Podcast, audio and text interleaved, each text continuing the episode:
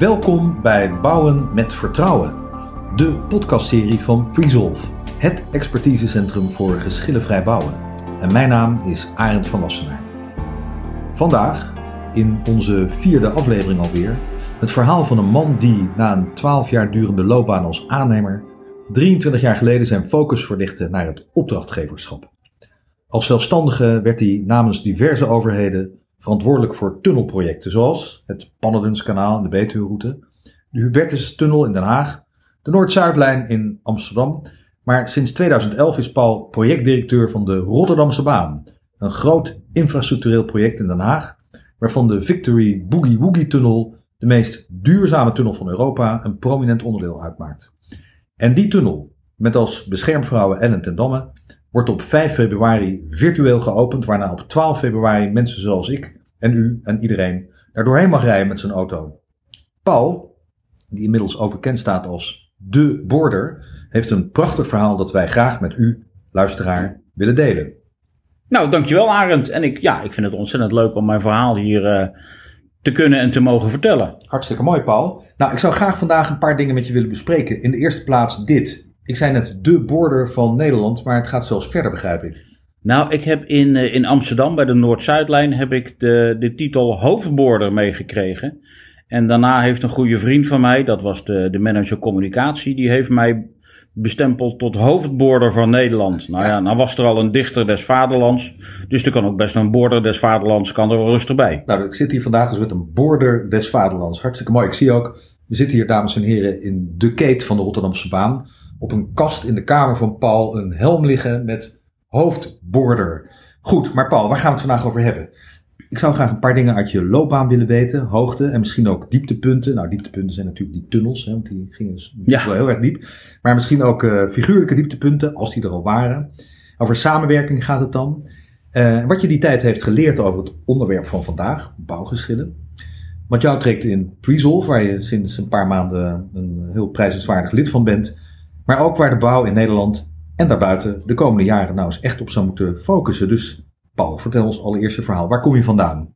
Nou, ik ben, uh, mijn vader was een Limburger, mijn moeder een Brabantse. Dus het is volstrekt logisch dat ik geboren ben in Leeuwarden. Mijn vader was uh, officier bij de luchtmacht. Dus wij zijn nog eens een keer wat, uh, wat verhuisd door, door den landen heen. Hij was vlieger? Hij was geen vlieger, hij was, hij was bedrijfseconoom. Uh, en wij hebben uiteindelijk zijn wij zo'n beetje in het midden de, uh, van, het, van het land terechtgekomen. Ondertussen bestond het gezin uit, uh, uit drie kinderen. Dus we waren met, met drie broers. En jij was waar, de? Ik was de derde. Dus mijn vader was eigenlijk een bedrijfskundige. Mijn oudste twee broers hebben ook bedrijfskunde gedaan. Dus je begrijpt dat ik alles zou gaan studeren. Behalve, behalve bedrijfskunde. bedrijfskunde. Goed zo. Goed, dus, het werd... ja. dus het werd civiele techniek. En inderdaad, later heb ik in de avonduren heb ik daar bedrijfskunde bij gedaan. Want het bloed kruipt blijkbaar toch waar het niet gaan kan. Ja, follow the money is toch ook ja. niet zo'n ja. idee. Dat uh, blijkt iedere keer maar weer. En ook, dat is ook een van de dingen die ons vandaag hier bij elkaar brengt. Ja, dus ik, werd civiel, ik heb civiele techniek in Delft gedaan. Ik ben afgestudeerd in wegbouwkunde. Nou, dat was met kop en schouders, denk ik, een van de meest makkelijke afstudeerrichtingen die, uh, die er waren. En ik ben daarna bij het bedrijf wat toen nog Vermeer heette, ben ik uh, begonnen te werken. Bij Agen? Bij Agen, maar zeker bij zijn vader. Bij zijn vader. Baas Piet. En baas Piet zei, jongen, het is hartstikke leuk dat je hier komt met een academische titel. Maar wil je iets voorstellen in dit bedrijf, dan begin je gewoon als asfaltuitvoerder. dus ik ben als asfaltuitvoerder ben ik, uh, ben ik begonnen. En ik had zo'n zo'n ploeg van die, uh, echt van, die, van die echte kerels had ik bij me. Met kruiwagens? Met krui, nou, dat nog net niet, maar wel met asfaltspreidmachines en van alles en nog wat. Mannen van drie meter hoog en twee meter breed. Zelf ben ik 1,72. Dus ik kreeg al heel snel door hoe je met deze mannen moest werken. Namelijk, zij hebben er zo ontzettend veel verstand van. Dat jij als baas je met name faciliterend moet opstellen. En het tweede wat ik leerde om uh, toch enigszins gezag uit te oefenen over mensen die heel veel groter zijn dan jezelf, ga fluisteren. Want als je fluistert, moeten die anderen moeten zich gaan buigen. En als, en als ze gaan buigen, kunnen ze nooit een grote bek opzetten. Wat een ontzettend geestige truc is dat. nou, dus je hebt misschien Schiphol uh, geasfalteerd? Ja, ja, Schiphol en uh, de wegen rondom, rondom Amsterdam. De A10, Maar uiteindelijk ja, ga je toch wat, uh, wat verderop in zo'n uh, bedrijf. Werd ik, uh, werd ik bedrijfsleider. En op een gegeven moment stond er een advertentie in de krant dat een bedrijf helemaal in het oosten van het land, Haverkort, dat zocht oh ja. nog een, een commercieel manager, schuine streep, commercieel adjunct directeur. Oh, je hebt bij Haverkort gewerkt? Daar heb ik op, ja, daar heb ik op gesolliciteerd. Ben ja. vervolgens gegaan naar, naar Haverkort. Heb daar alles geleerd. En dat was nog in uh, wat we later hebben genoemd de romantische periode van het aanbesteden. Ja, dat je... ja dus, daar, uh, dus daar heb ik ook geleerd om heel vroeg in de ochtend al koffie uh, te gaan drinken. Waarna je naar de wakvergadering ging? Ja. En waarna je weer deed alsof je elkaar voor het eerst die dag ontmoette. Ja, maar ja. dat duurde op een gegeven moment maar tot 1993. Want toen stak de Europese Commissie daar en dat, toen ging je misschien ondergronds al. Toen ging ik nog net niet ondergronds, maar toen ging ik mij binnen Havenkort al wel heel erg interesseren voor, uh, voor tunnels en voor geboortetunnels. We hebben toen een combinatie uh, gevormd met onder meer een Japanse aannemer die ook uh, Obayashi, die heel erg bedreven was in het boren van tunnels. Hmm. Maar desondanks heb ik het bedrijf Havenkort verlaten en ben overgestapt, oh, nog steeds in het oosten van het land, naar Didam ja. naar het bedrijf Welling. En ja, daar ben ik ja. nog een paar jaar statutair directeur geweest. Voordat uh, wij onze wegen daar uh, scheiden. En ook bij, uh, bij Welling ben ik, heb ik me bezig gehouden met geboortetunnels. Ik heb daar samen uiteraard met andere bedrijven hebben we de combinatie Comol opgericht. Aha, bestaat nog steeds. En Comol bestaat nog steeds. En met die, die, combinatie hebben we twee keer een aanbieding gedaan voor de, voor de Beterroute. Uh, de Botlektunnel en de Sofia Spoortunnel. Alle twee, niet, ge, alle twee niet gewonnen. En voordat het derde bestek op de markt kwam voor het Pannerdenskanaal, heb ik besloten om het bedrijf te verlaten en voor mezelf te gaan beginnen. En over te stappen naar de overheid.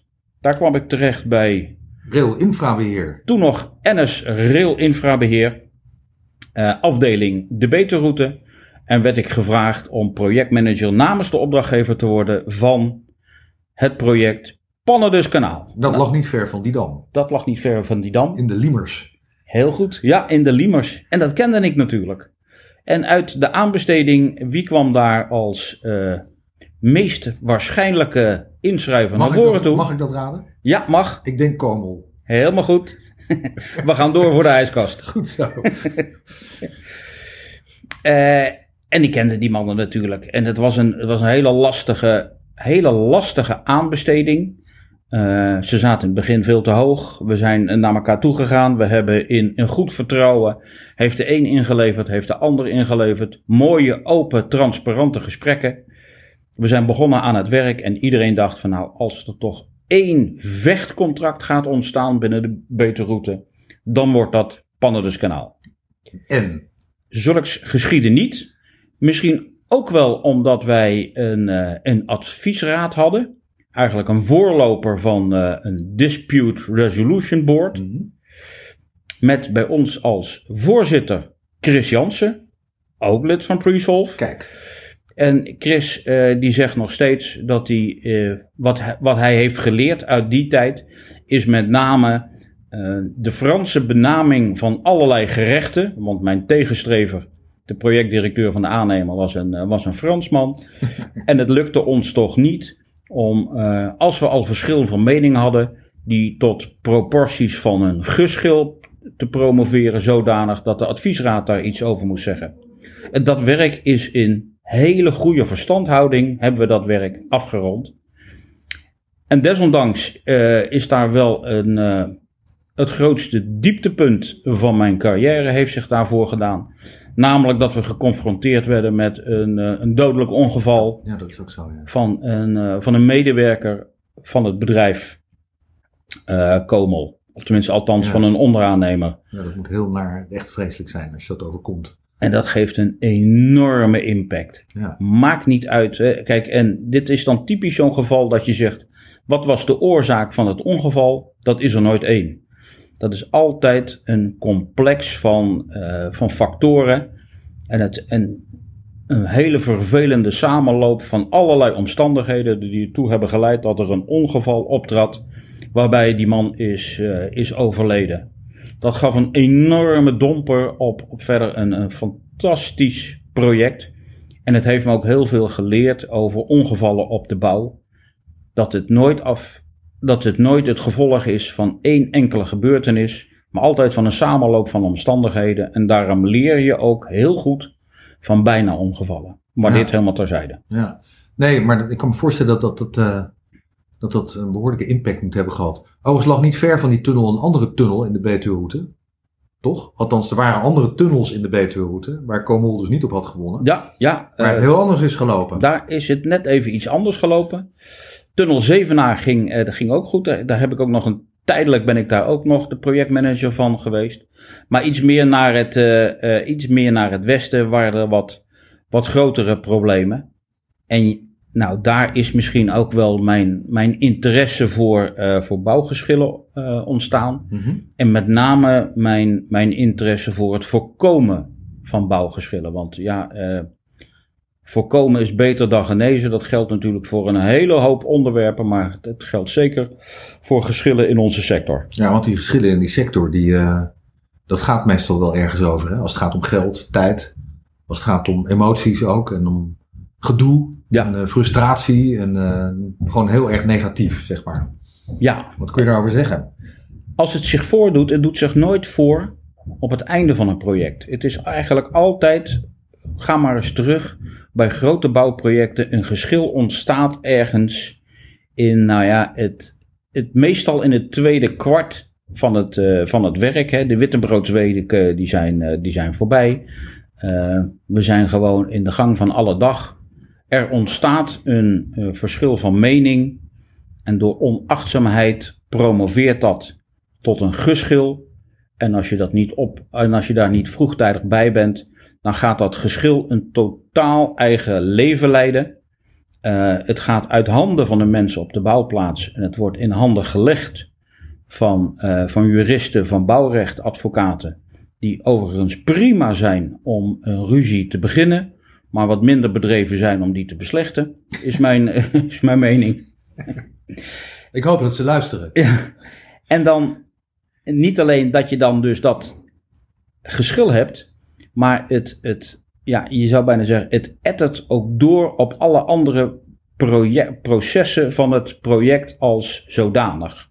En als je zo'n geschil eigenlijk weer helemaal fileert, dan zal je zien dat het voor tenminste 70% bestaat uit communicatie. Hm. Hè, Het elkaar niet willen begrijpen, het slecht kunnen eh, uitleggen aan elkaar. Nou zijn natuurlijk de meeste techneuten, dat zijn toch autisten met een, eh, met een iets hogere opleiding. Maar eh, daar is heel veel werk te doen als het gaat over, over communicatie. En het voorkomen van geschillen, maar ook het eh, snel smoren van geschi- geschillen, het snel oplossen, heeft heel veel te maken met, met heel goed luisteren naar elkaar.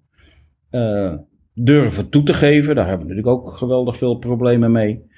Eh, en als je dat proces beheerst, dan zal je zien dat een verschil van mening nooit verder komt als, als de bouwput. En als je het binnen de bouwput weet op te lossen, dan is dat voor alle partijen verreweg het beste. Ja, dus wat je eigenlijk zegt is dat een geschil, eigenlijk voordat het een geschil is, zou moeten zijn onderkend. Er zou moeten zijn, kunnen zijn besproken en Ja. eh, gewoon gedeeld, zeg maar. En dat het in een veel eerder stadium dus, voordat het echt een, een etterende sfeer is, eh, moet worden opgepakt en, en neergelegd. En, Absoluut, Ja. absoluut. Een, een, eh, een geschil is het gevolg van een verschil van mening. ja, Maar als we, eh, als we er niks aan doen en we gaan door naar hetzij de Raad van Arbitrage, hetzij later eh, of, eh, of een anderszins juridische benadering, dan heeft dat al een, een, zeker een twee jaar lang is dat al bezig geweest. En zijn de standpunten verhard, de loopgraven zijn uitgediept en wordt het heel moeilijk om elkaar dan nog een keer de hand te reiken. ja. Hey Paul, nou, dus ehm, meteen al was dit al fast forward naar een heel belangrijk onderwerp.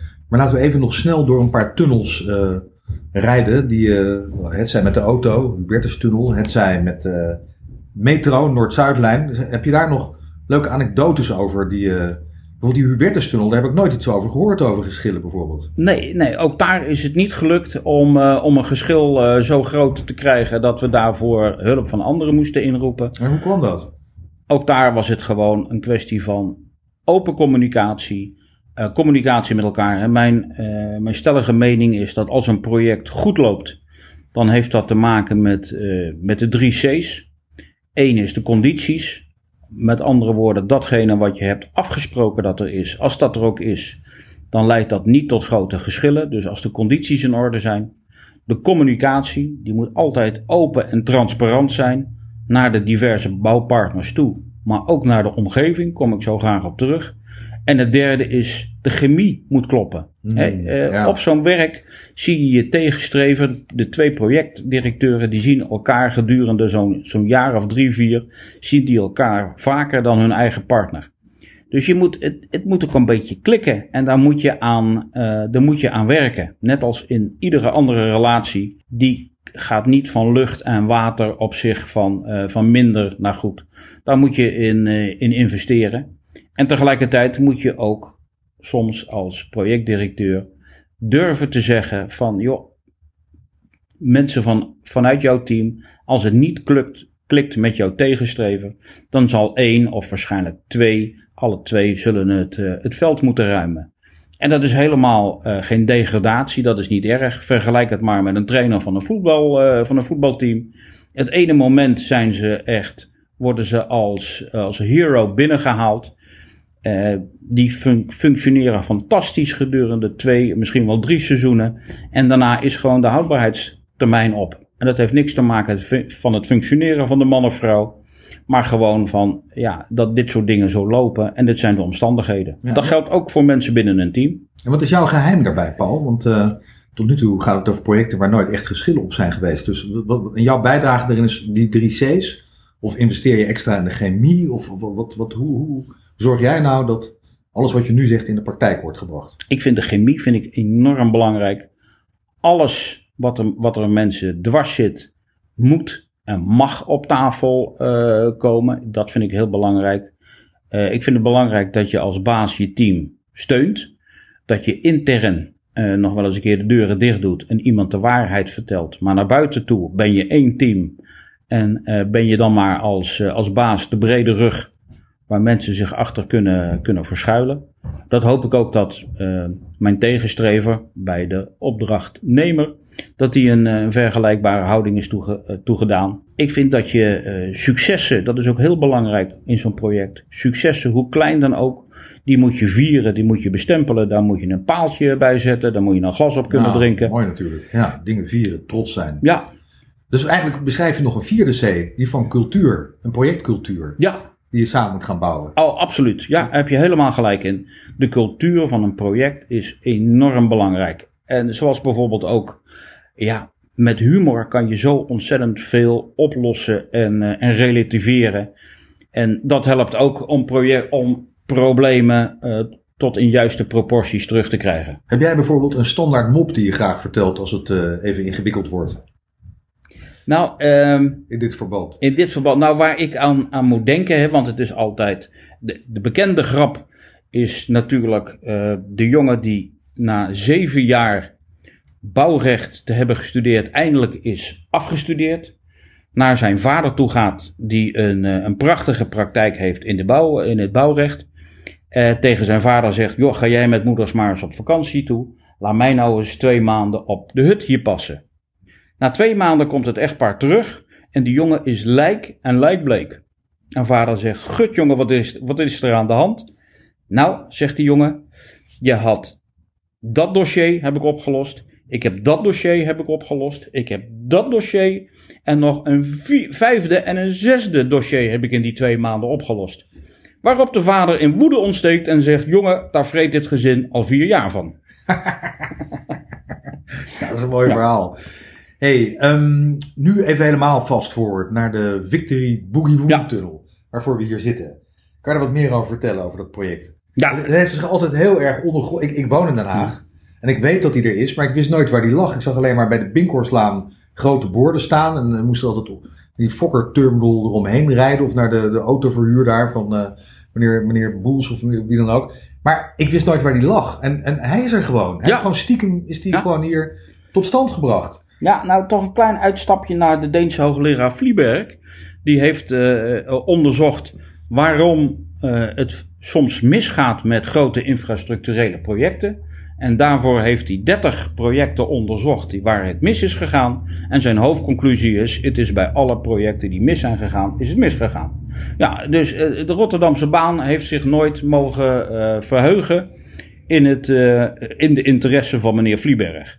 Ehm, ik denk dat de principes die we hier hebben, die we, die we er net hebben toegelicht, die hebben we hier ook eh, toegepast.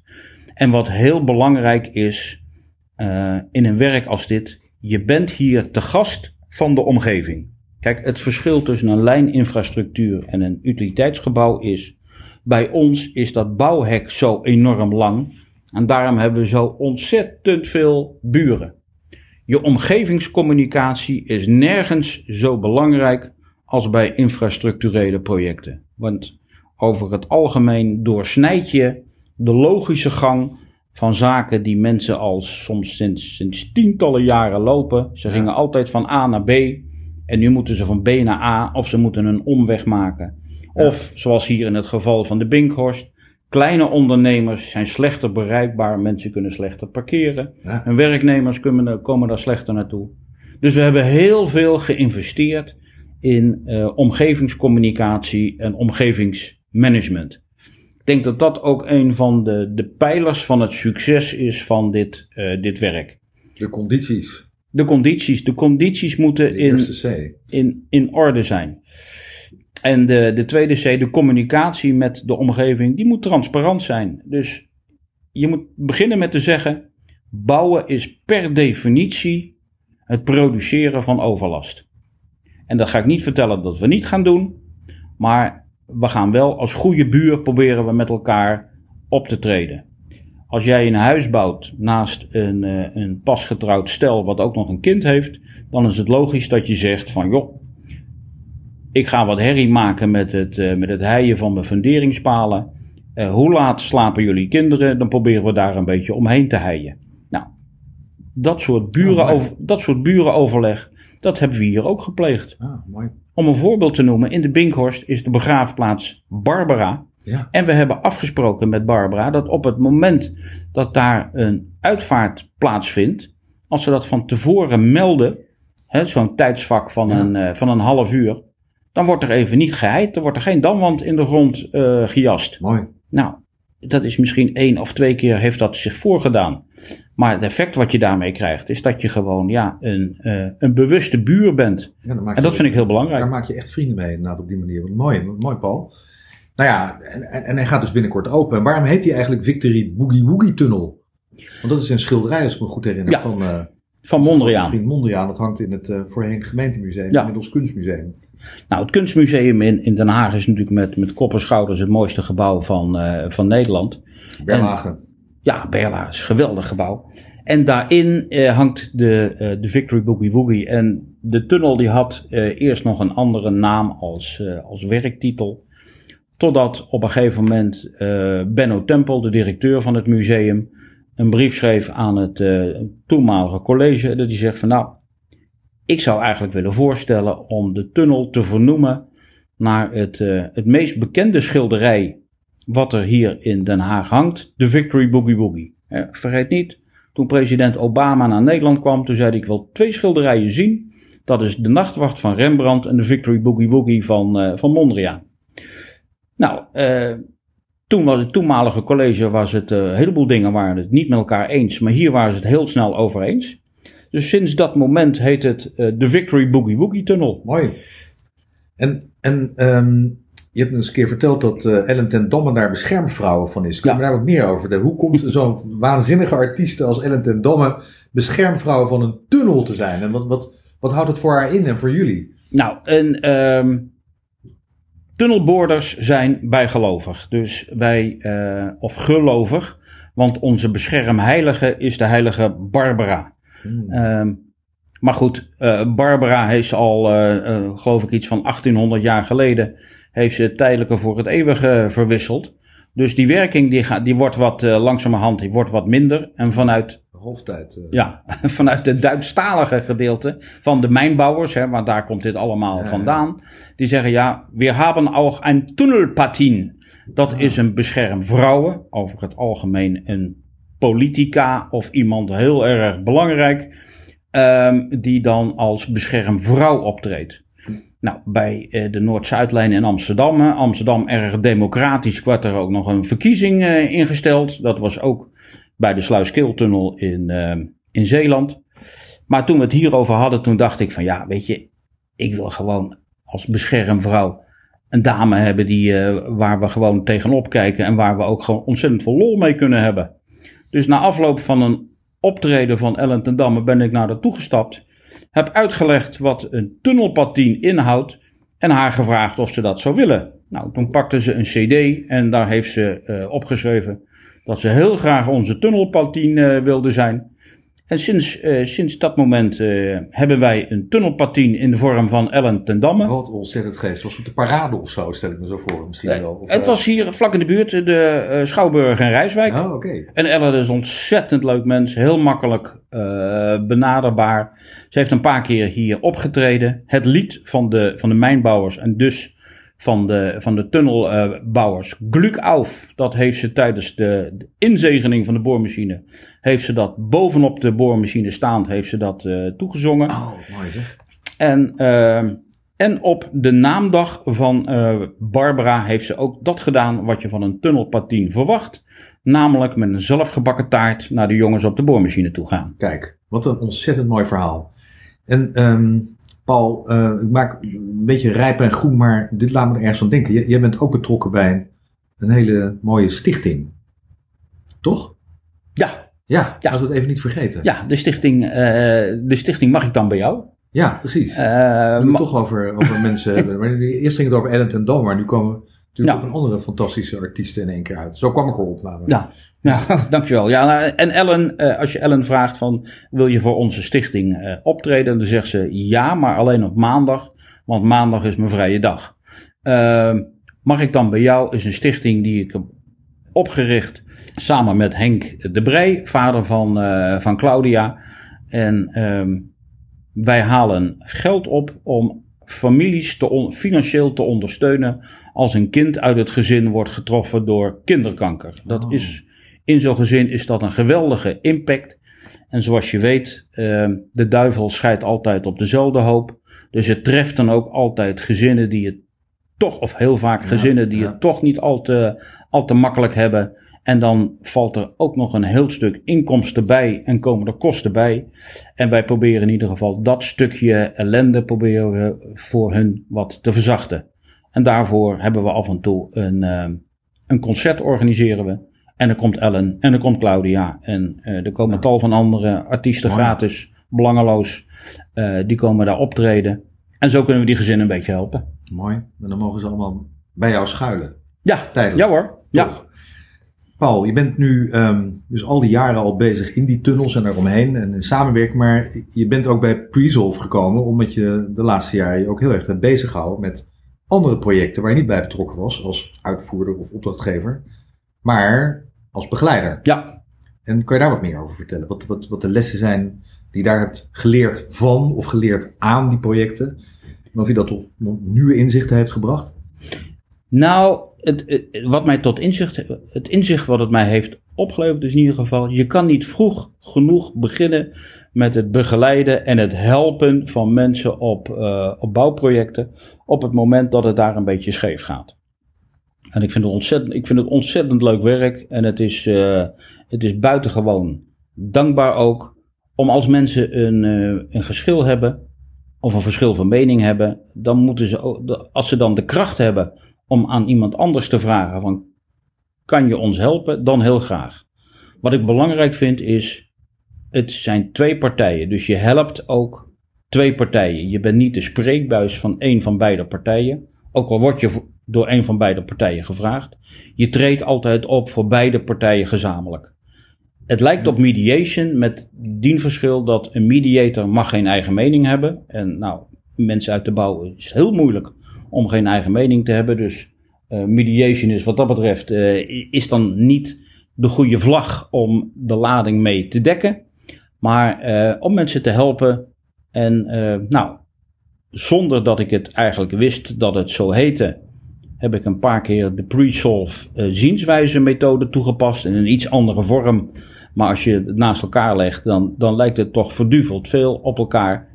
En dat heeft gewoon heel veel, uh, heel veel prettige resultaten uh, teweeggebracht. Dat partijen daarna gewoon weer lekker verder konden met, met bouwen in een goede sfeer. Staat het je ook vrij om te vertellen welke projecten dat waren? Of is dat gewoon allemaal ergens uh, in een klein doosje met vertrouwelijk erop? Nou, uh, het is. Als het kan. Een aantal zijn, zijn vertrouwelijk, maar ik, ik durf uh, rustig te zeggen dat hier in, in Den Haag wordt gebouwd aan, aan een grote nieuwe cultuurtempel, ja. Amare. Ja. En daar heb ik ook een, een bijdrage aan mogen leveren oh, om fijn. ervoor te zorgen dat opdrachtgever en opdrachtnemer nog steeds goed met elkaar overweg kunnen. Mooi, Paul. Nou, dus uh, ja, wij als andere pre-solve-leden zijn ook echt dankbaar dat je ons uh, bent komen versterken met al jouw inzichten, ondergronds en bovengronds.